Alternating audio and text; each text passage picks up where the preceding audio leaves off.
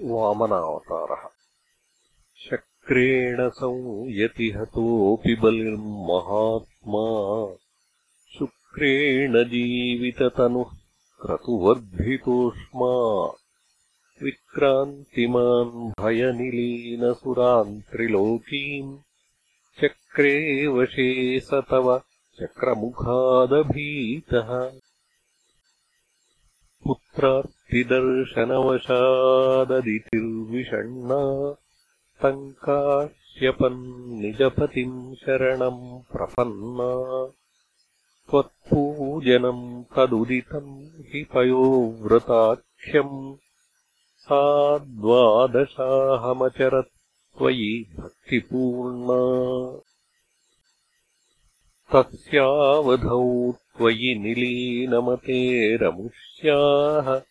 श्यामश्चतुर्भुजवपुः स्वयमाविरासीः नम्राम् च तामिह भवत्तनयो भवेयम् गोप्यम् मदीक्षणमिति प्रलपन्नयासीः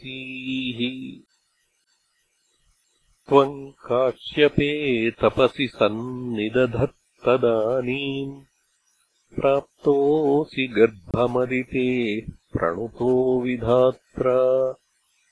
प्रसूत च प्रकटवैष्णवदिव्यरूपम्। सा द्वादशी श्रवणपुण्यदिने भवन्तम्।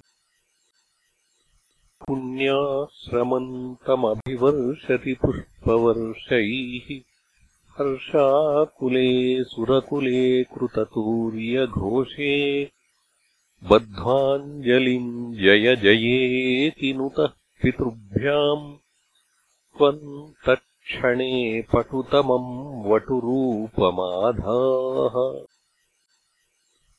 तावत्प्रजापतिमुखैरुपनीयमौञ्जी दण्डाजिनाक्षवलयादिभिरत्यमानः देदीप्यमानवपुरेशकृताग्निकार्यः त्वम् प्रास्थिता बलिगृहम् प्रकृताश्वमेधम्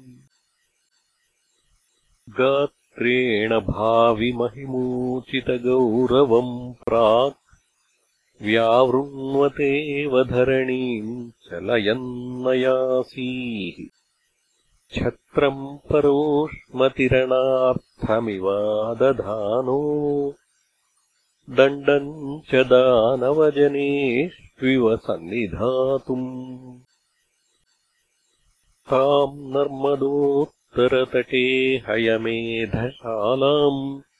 आसेदुषि त्वयि रुचातवरुद्धनेत्रैः भास्वान् किमेष दहनो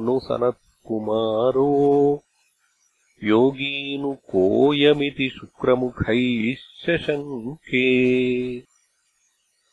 आनीतमाशु भृगुभिर्महसाभिभूतैः त्वान् रम्यरूपमसुरः पुलकावृताङ्गः। भक्त्या समेत्य सुकृती परिषिच्य पादौ। तत्तोऽयमन्वधृतमूर्धनि प्रह्लादवंशजतया क्रतुभिर्द्विजेषु विश्वासतो नु तदिदम् दितिजोऽपि लेभे।